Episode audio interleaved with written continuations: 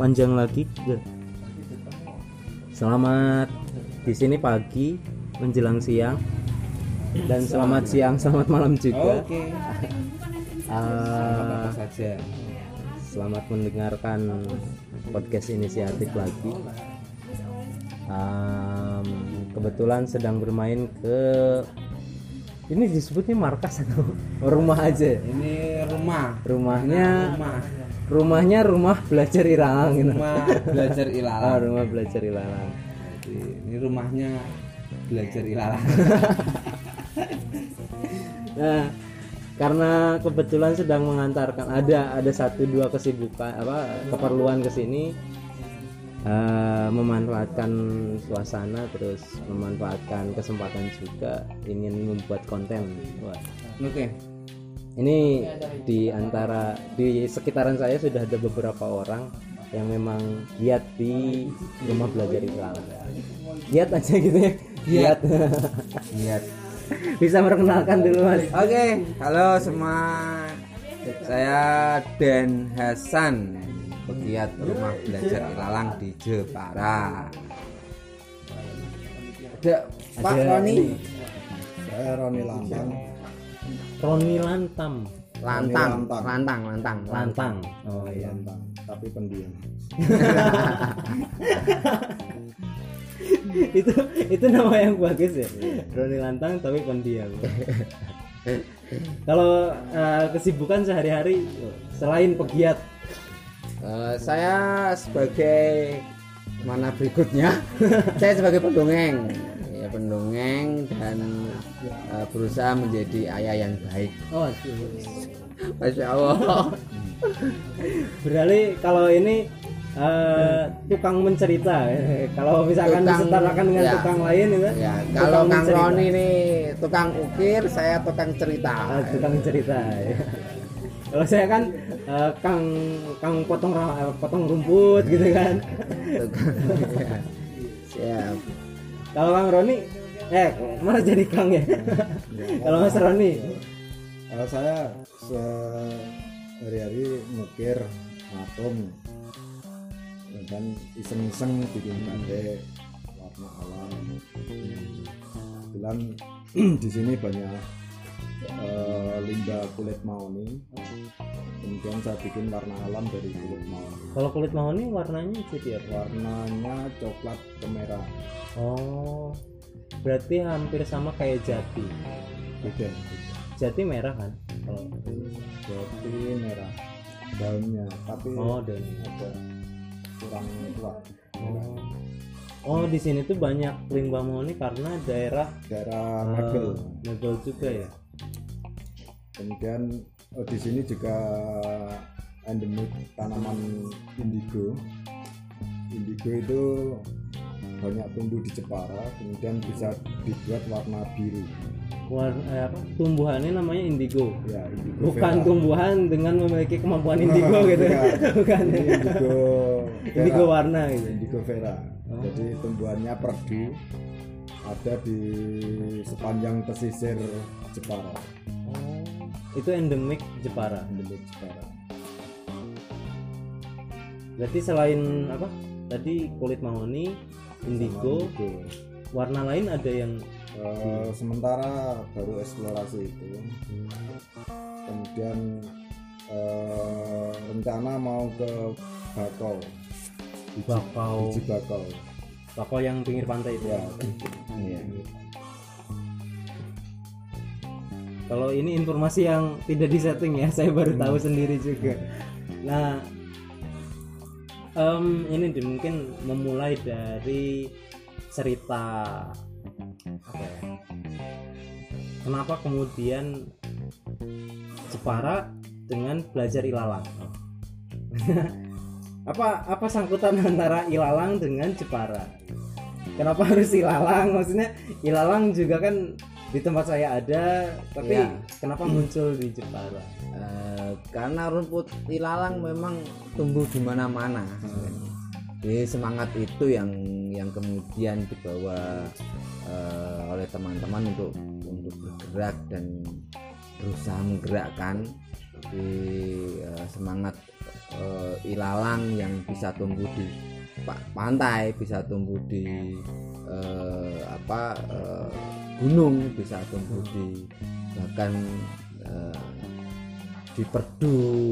Gurun pun itu kadang ada ilalang itu Eh, di situ ya apa ya memaknai bahwa setiap manusia itu bisa tumbuh dan bisa bermanfaat di mana pun kita berada.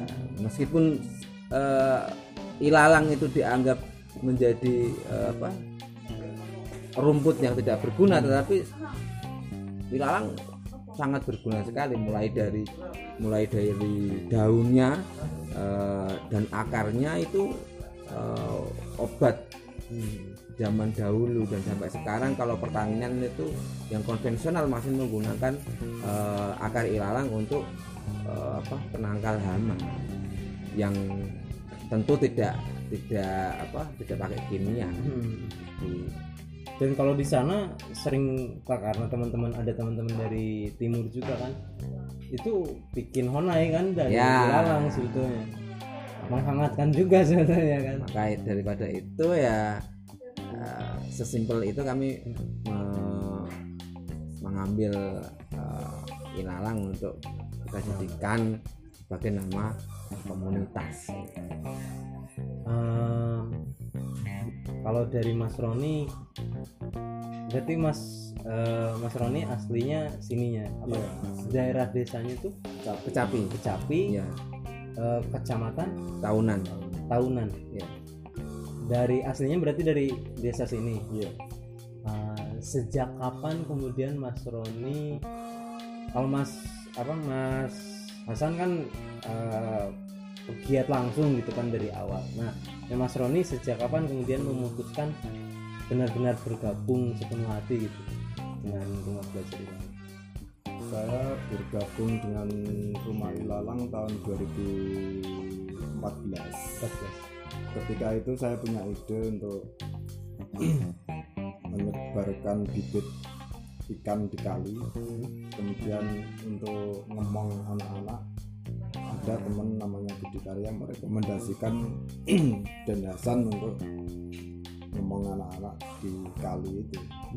Kemudian saya sendiri juga eh, terapi di rumah belajar ilalang ini selama selama 8 tahun ya untuk terapi kejiwaan.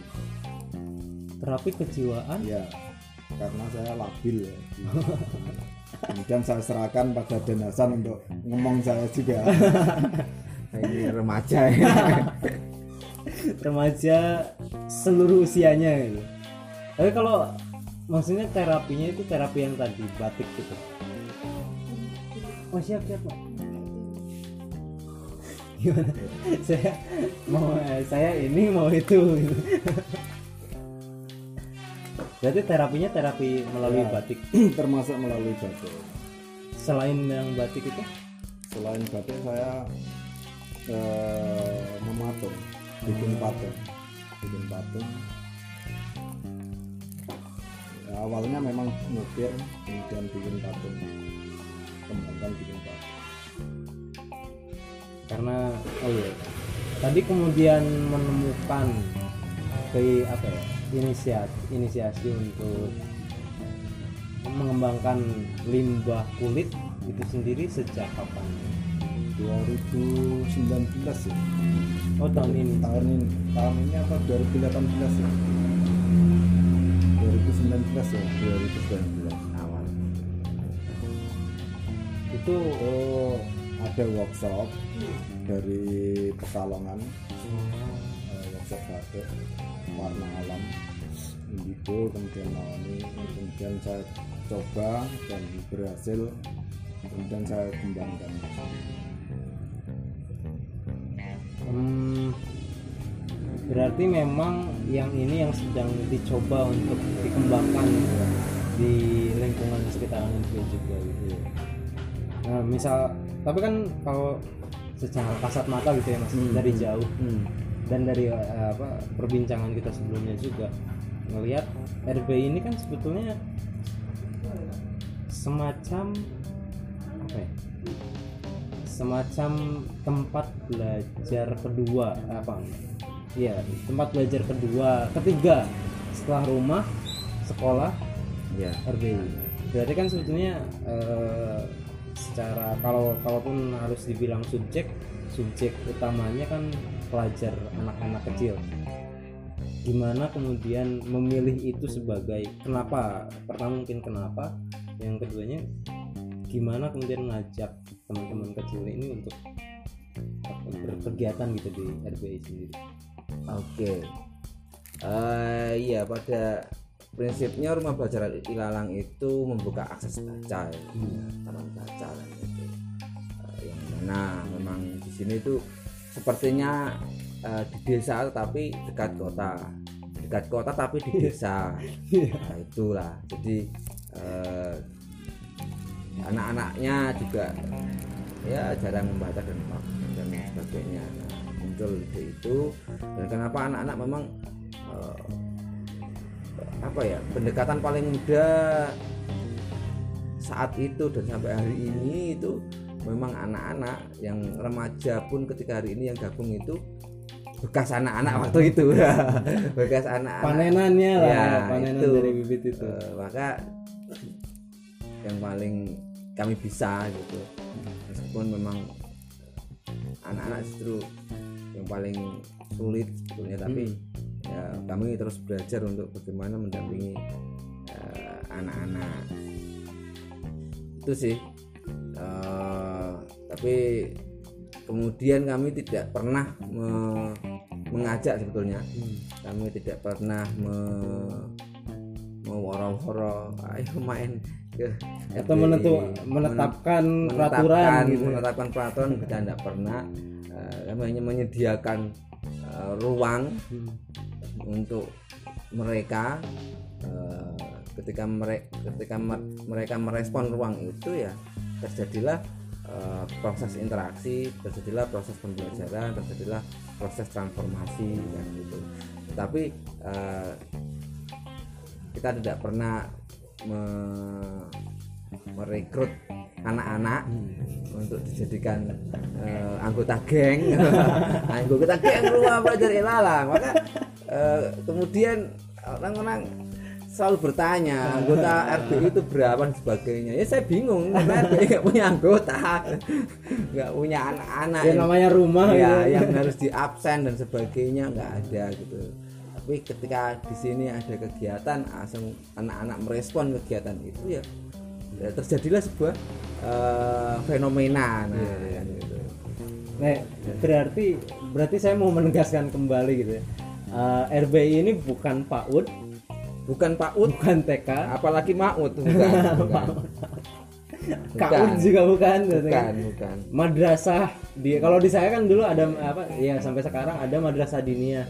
Jadi Bukan. pembelajaran di luar itu bukan juga. bukan. Nggak ada tidak ada yang namanya les privat nggak ada yang namanya eh, apa namanya ngaji eh, karena sudah ada musola gitu kan, nggak ada. Oh, Nggak berarti ada. kalau pengajian itu sendiri ada. pengajian ada musolanya Ada musolanya sendiri. iya kan Dan RBI ini bukan itu juga. bukan itu jadi eh, mengisi lebih tepatnya mengisi ruang yang belum yang yang belum terisi gitu jadi eh, membuat sesuatu yang yang memang belum ada yang yang menempati ruang itu kalau mau sini mau bikin eh, tempat pengajian nanti dimarahi. Karena sudah ada. ya dan lu siapa kan itu Iya, iya. tingkat keilmuan agamanya seberapa kan? Malah repot juga. Mau bikin paut ya juga sudah banyak kan gitu kan. Ya pilihan yang paling yang paling tepat ya memang menemani eh, anak-anak di sela-sela itu. Jadi Tapi berarti lebih- bukan ini juga, bukan bukan sanggar juga. Kalau kalau dalam pandangan kalau artian sanggar ya sanggar ya kan ya. Artinya sanggar itu lebih, kan lebih dekat ke pengertian sanggar. Lebih. Hmm. sanggar itu kan memang diciptakan untuk eh, eh, setiap orang di situ tuh merespon merespon dengan sendirinya. Jadi kalau memang ada kegiatan yang menurut dia dia sukai, Dia sukai. dia datang. artinya ketika eh, ada yang suka film ya dia mengembangkan filmnya sendiri itulah konsep sanggar sebetulnya Hmm. Nggak ada kurikulum yang pasti nggak ada apa tapi eh, ketika dia ingin mengembangkan sesuatu eh, karena keinginannya sendiri Berarti oh ini kalau ini secara ada pertanyaan spesifik semacam program pertama apa yang diterapkan di RBI? Eh, khususnya oh dulunya kan bukan di ya bukan di desa apa? Bukan di desa Kecapi ini kan Iya. tadinya, tapi di daerah lain. Pertama Ya, mungkin di daerah pertamanya ya, gimana? di sana. Yang pas di Kecapi ini program pertamanya kayak gimana? Bukan, dalam artian program yang harus dilaporkan ke pemerintah gitu ya mas, cuma Iya sih. kegiatan pertama. lebih kurang lebih hampir sama pendekatannya kan eh, memang saya basicnya dari dakwah dari dan dari teater kemudian ya pendekatannya melalui me- melalui sesuatu yang dekat dengan saya ya kan? Gitu sama gitu. Tapi tapi kalau yang daerah sana memang lebih kepada karena di sana itu tradisinya sudah sangat kental akhirnya kan kalau lebih ke tradisi. Nah, kalau di sini memang pendekatannya lebih pada apa ya? Eh, minat baca kalau yang di sini yang saya tekankan awal-awal. Tapi pada akhirnya nggak bisa ini orang anak-anak dipaksa gitu. sok-sokan memaksa "Oh, membaca gitu. akhirnya ya ya cukup disediakan aja buku bacaannya. anak-anak datang mau main apa akhirnya lambat laun ya mereka ambil sendiri bukunya tanpa dipaksa. Loh, tapi dulu awal-awal di sini ya "Wis, kamu baca setengah ini ya?" harus baca ini. Wah, jam harus baca ini ya Oh, dulu di awal-awal berarti Ya, menerapkan di sini. sekolah gitu ya. menerapkan uh, ya nggak sekolah sih menerapkan keinginan bahwa minat baca itu sangat penting tapi dengan metode itu memaksa anak setengah jam untuk membaca ya. Iya. tapi uh, di kemudian hari itu kayak nggak cocok ya gitu ini juga pemaksaan tidak sesuatu keinginan dari dari mereka sendiri akhirnya ya ya yang menyediakan aja menyediakan menyediakan buku bacaan. Tapi eh, sampai sekarang sudah terspesifikasi gitu. Jadi ada anak-anak yang memang minat bacanya kenceng ada yang memang enggak gitu. tapi, tapi memang seperti itulah anak-anak kan gitu. Tapi berarti kalau kalau pakai istilahnya pemerintah eh, ruang lingkupnya literasi gitu. Tapi dengan Literasi. bentuk literasi media, literasi Iya. apa gitu. Di- sini memang lit- ya lebih ke literasi sih tapi eh, masih dalam eh, jauh dari harapan lah artinya belum kalau ngomong literasi itu kan bisa merubah Waduh, keadaan dari sesuatu yang jahiliyah menjadi terang benderang. gitu. benderang kan gitu Iya. Iya ya itu biarlah bagian dokumen lah ya itu.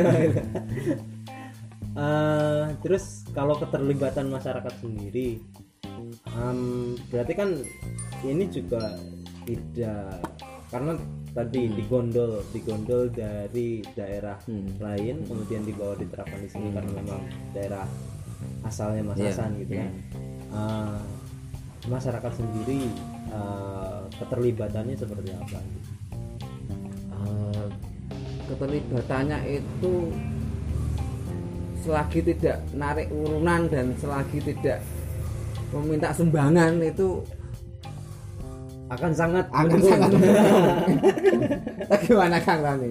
Itu itu dulu sudah cukup selama hampir 8 ya di sini berarti lima tahun lah di sini. Lima tahun di Kecapi itu ya. Eh, masih sebatas sebatas itu di keterlibatan makanya saya bilang tadi bahwa ketika ngomong literasi RBI belum belum cukup bisa meliterasi lingkungan membawa itu ya. Iya, membawa dari dari jahiliyah ke terang benderang. Eh, untuk eh, apa namanya memperbolehkan anaknya main ke sini eh, diproses di sini diajak pentas di luar diajak pergi ke mana itu eh, bagi kami itu adalah eh, adalah keterlibatan masyarakat yang yang sudah sangat berharga bagi bagi RBI itu. Eh, tapi harapannya ya mereka bisa eh, apa mengerti kegiatan eh, yang semacam ini yang memang eh, apa kelihatan nganggur tukang jago kan gitu tapi eh, Kalau itu kan harap hampir harapan semua orang gitu ya. baik apa ya? ba- baik baik anggota apa? penggerak komunitas, Iya. pegiat komunitas ataupun bukan sebetulnya. Oh, kalau saya punya kegiatan tolong dirojong ya. Itu kan harapan semua orang. Tetapi kan eh, memaknai harapan tersebut tercapai atau enggak kan? Saya rasa pemaknaan itu yang tadi kena kan. eh, RPI lumayan lah pelan-pelan pelan-pelan apa beberapa pemuda sudah mulai apa mulai mengerti pergerakan RPI ke mana mengerti eh, kami harus berbuat apa kan gitu. Jadi akhirnya kan eh, pengurus sendiri membuat beberapa apa sektor-sektor yang yang memang mampu menjembatani masyarakat dengan dengan teman-teman komunitas. Karena masyarakat ya bergerak sama dengan uang kan bergerak sama dengan penghasilan kan, gitu. Jadi eh, kami coba menggali lewat jalur-jalur ekonomi kreatif semakin komunikatif kalau ngomong soal ekonomi kan Iya. semakin komunikatif ketika mem- mem- membincang persoalan membangun jalan Nah. membangun selokan gitu. itu Oh, iya. wah ya di situ membangun membuat gapura nah ya ya itu akhirnya kami oke kita pendekatannya lewat situ gitu. Iya, kayak kalau di sekolah kan juga apa ya eh, ikut sertaan ikut sertaan masyarakat dalam sekolah kan dalam bentuk komite dan komite yang paling berjalan adalah ketika komite pembangunan Kom- komite SDM nggak tahu komite pembangunan itu sangat giat gitu kan Eh, dengan dengan senang hati datang gitu. Cuma kan eh, tinggal memaknai itu sebagai juga bentuk keterlibatan. Iya, saya selalu kami selalu di sini selalu sekecil apa pun eh, apa ya masyarakat dalam di sini sebesar doa tetap itu adalah keterlibatan. Di- malah justru tadi yang saya saya katakan bahwa FPI belum bisa bisa membawa sesuatu yang yang fungsional di tengah-tengah masyarakat yang itu. tapi memang kayaknya gitu ya kayaknya teman-teman komunitas karena mungkin yang kebanyakan mendengarkan ini adalah teman-teman yang senang komunitas juga harus mulai insaf harus mulai insaf dengan eh, kebia pola-pola lama yang menunjukkan apa bagaimana kita menghitung keterlibatan masyarakat dengan absen Oh, itu kan kita harus mulai insaf gitu ya tidak harus sebetulnya kan masyarakat terlibat Iya. itu tidak harus selalu hitungannya absensi kehadiran Ya. kayak gitu gitu itu kan itu kan ranahnya yang dinas-dinas yang lain-lain tapi kan kalau komunitas kan keterlibatannya dengan memperbolehkan anak datang gitu kan Sudah cukup. juga bentuk keterlibatan Kadang kita itu besar. komunitas itu eh, kebanyakan mengeluh. Heeh, banyak pengen banyak ngeluh pengen banyak mengeluh. Lah, lalu apa bedanya dengan dengan yang lain kan? iya gitu. iya Ya meskipun ada kalah itu saya juga mengeluh kan itu. Tapi selalu saya balikan, selalu saya tamparkan dalam Iya. diri sendiri. Loh, ngapain loh? Ketika masyarakat tidak mendukung, yang seharusnya berkaca ya kita. gitu. Jangan-jangan karena tidak mendukung itu karena nggak fungsi gitu. Iya. Kalau nggak fungsi ya kita bikin yang berfungsi lah gitu. Iya, benar, itu benar, harus benar. kesadaran komunitas untuk menyadari bahwa ini fungsi nggak di masyarakat Hmm.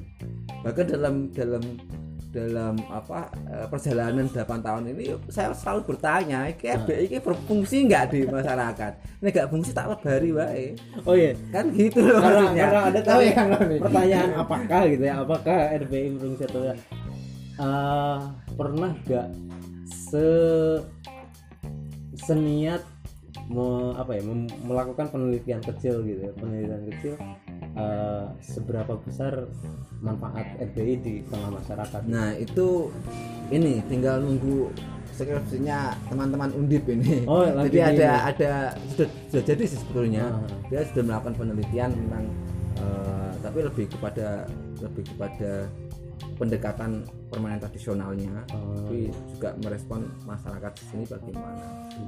Iya, tapi dari dari internalnya rumah belajar Ilalang kayaknya perlu itu membuat membuat apa ini riset gitu. eh, mini riset eh, kuesioner kecil-kecilan untuk ma- untuk warga Jepara dan khususnya di Betawi ini Oh iya, tapi kalau sebelum ya sebelum mungkin sebelum hadirnya rumah belajar Ilalang, ke mana larinya anak-anak buat baca, terus mendapatkan hal-hal yang sekarang ada di rumah belajar Ilalang. ya Ke mana kalau lari? boleh jujur hampir nggak ada Ya, berarti lari di tempat. Ah, ya ya sekolah juga nggak punya akses baca yang, yang diktat lah Bang. Buku paket setiap tahunnya ya itu cuma ganti itu. ya. dan kita juga pernah kami pernah membuat film eh, judulnya buku untuk sahabat itu juga merespon Hmm. eh, sekolahan yang tidak punya perpustakaan itu dan anak-anaknya pinjam dari sini kita merespon lewat lewat film-film semacam itu dan eh, yang baru kami eh, pahami dari perjalanan 8 tahun 8 tahun ini anak eh, teman-teman yang sekarang sudah kelas 2 SMA sudah kelas 3 SMA itu ju- kembali. Dulunya yang SMP itu malu datang ke sini karena di sini dianggap anak-anak. Ah, maka dia malu tapi ketika dia kelas 2 SMP kelas 3 eh, eh, kelas SMA. SMA kelas 2 SMA itu dia kembali lagi ke sini untuk eh, menawarkan proses iya iya iya. Bagaimana kalau Iya, begini? Bagaimana? Iya iya. dia kembali membawa kebisaannya gitar gitu so aku pengen bikin YouTube YouTube nah, Ah, YouTube iya, Oh, iya. oke silakan gitu jadi oh mu- mungkin ini yang disebut kesadaran yang yang yang eh, sekian tahun kita proses tanpa dipaksa dan sebagainya langsung dia lari pun kita nggak mengejar Hmm. itu dia nggak main ke RBI pun kita nggak soal-soalnya kamu main ke sini lagi ya. kita Iya, iya. coba untuk cuek gitu pada akhirnya dia juga kembali lagi mempertanyakan kembali eh, kegiatan kok sekarang kegiatannya nggak serame ketika saya kecil ya itu berarti kan sudah ada responan di situ Iya benar Ya. benar. oke lah ini, ini Itu yang saya ya, tunggu, itu gitu. yang saya tunggu Jadi, ketika dulu melibatkan orang luar sekarang ya mencoba untuk juga orang dalam semua Orang orang daerah. orang daerah kecapi sendiri mungkin nanti pasca 8 tahun justru RPI semakin mengecil ruang lingkupnya Hmm. memang untuk ya teman-teman kecapi. apa ya eh, bergerak lokal berwacana global ya Wah. gitu. itu itu program program SMK dulu saya ek global apa ek lokal think global ya? Cuma eh em, sebetulnya kan eh, pembicaraan tadi ingin mengantarkan gitu mengantarkan promosi kegiatan yang besok September. Ini. secara pribadi ya saya pengennya ke situ. Eh, apa yang kemudian dipersiapkan? Tanggal berapa tanggal 13 sampai 15 13 15 September. Itu apa yang sedang dipersiapkan terus bisa diceritakan juga? Ya olimpiade dolanan anak itu menjadi kegiatan rutin ya. Jadi sesuatu yang rutin itu kadang kan menjenuhkan itu. Kadang yang eh, kadang menjebak. menjebak dan eh, ketika mempersiapkan kegiatan yang rutin Heeh. itu eh, seperti kita mempersiapkan hari raya. Sesuatu yang akhirnya sudah biasa gitu kan. Tapi karena di sini ada titik beratnya di Sewindu ya. Jadi eh, kami eh, sendiri ingin ingin mencatat sejarah kami sendiri. Di situ akhirnya ya persiapannya memang menulis menulis perjalanan selama 8 tahun ini yang pada eh, nanti tanggal 13 kita launching gitu. Nah persiapan pada pada umumnya ya bikin danan bikin apa setting pa- tempat eh, terutama pendanaan ya gitu. Kita kita pure murni fundraising eh, jualan kaos. untuk untuk apa namanya proses selama mulai kemarin Juli. Mulai Juli sampai eh, sampai nanti September itu memang eh, fundingnya ya dari dari dari jualan dari jualan kaos Jadi, ya kalau persiapan kegiatan apa sih?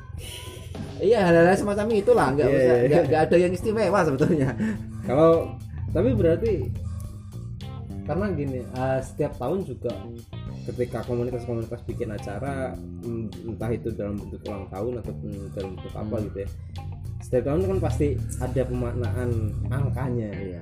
Nah kemudian kenapa ataukah apa? Karena memang saya pertama mendengar RBI terus langsung mendengar Sewindu atau memang ada ada makna lain di angka di 8 tahun RBI ini gitu iya yang pengen dibaca gitu dari teman eh, dari Mas Hasan sendiri. nah ini, ini yang membuat ruh seminggunya itu Kang Roni. Eh, ruhnya itu di eh, sorak hure itu tadi. Sorak itu kita tema tahun ini itu sorak hure sorak hure itu bukan bermakna eh, Euforia. euforia kegembiraan eh, atas eh, kemenangan dan kekalahan orang lain tapi eh, sorak hure ki- di sini itu dimaknai dari lagu eh, ler iler Oh, Ler Iler. ler iler yang sebetulnya dari bait terakhir kan eh, mumpung padang rembulane mumpung jembar Kalangan kalangane Yo Surao. sorak iyo kan istilah sorak hure itu adalah apa namanya eh, dalam setiap perjuangan itu harus ada kegembiraan di dalamnya ketika sudah ngomong kegembiraan maka tidak ada keluh kesah di Iya. situ maka setiap setiap masih ada kesempatan setiap masih ada eh, dibekali nafas yo yo ayo tuh sorak-sorak Iya. apa yang eh, apa yang apa namanya kenapa harus ada kesedihan di antara kita ya. Jangan ada duka Jika- di dalam ya, di antara kita. jangan ya. ada duka di di di perjuangan yang yang sebetulnya gembira, Gembira, ini iya. kurang lebihnya seperti itu kan ya ini yang bikin Mas Roni Lantang yang Mas Roni pendiam. Lantang itu apa yang selalu menjiwai lah Iya. jadi kami eh, teman-teman muda itu kan selalu kering dengan hal-hal yang spiritual yang Roni itu yang selalu apa men- menspiritualis setiap setiap gerakan yang kering ini menjadi eh, apa ya menjadi sesuatu yang basah dan eh, Aduh. becek. Iya.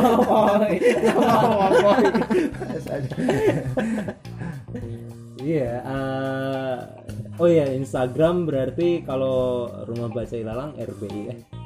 Rumah Baca Ilalang. at rumah baca ilalang Facebooknya juga sama tapi lebih lebih aktif di Instagram sih. Kalau Facebook cuma buat lewatan mention mentionnya saya itu tuh.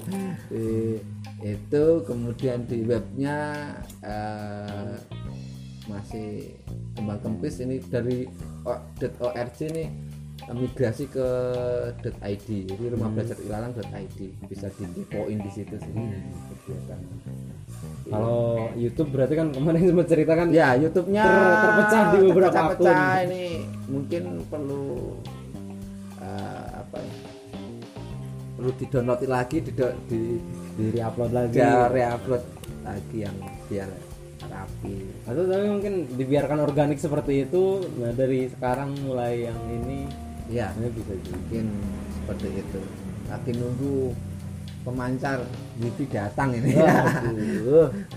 eh tapi kabel internet udah nggak ada di sini Oh, makanya ada. susah jadi dari kan ini kan masuk kan gang buntu Hmm. jadi kalau mau narik di sini itu ya saya belum komunikasi intens dengan Telkom jadi eh, kan jaraknya hampir eh, 500 meter kalau dari dari terakhir eh, ada kabel Pertigaan itu ya? iya jadi kalau ke sini sekarang kan pakai optik. Hmm. nah di setiap ada belum tentu yang kod apa yang kabel Eh, telepon kabel ada telepon ada optiknya.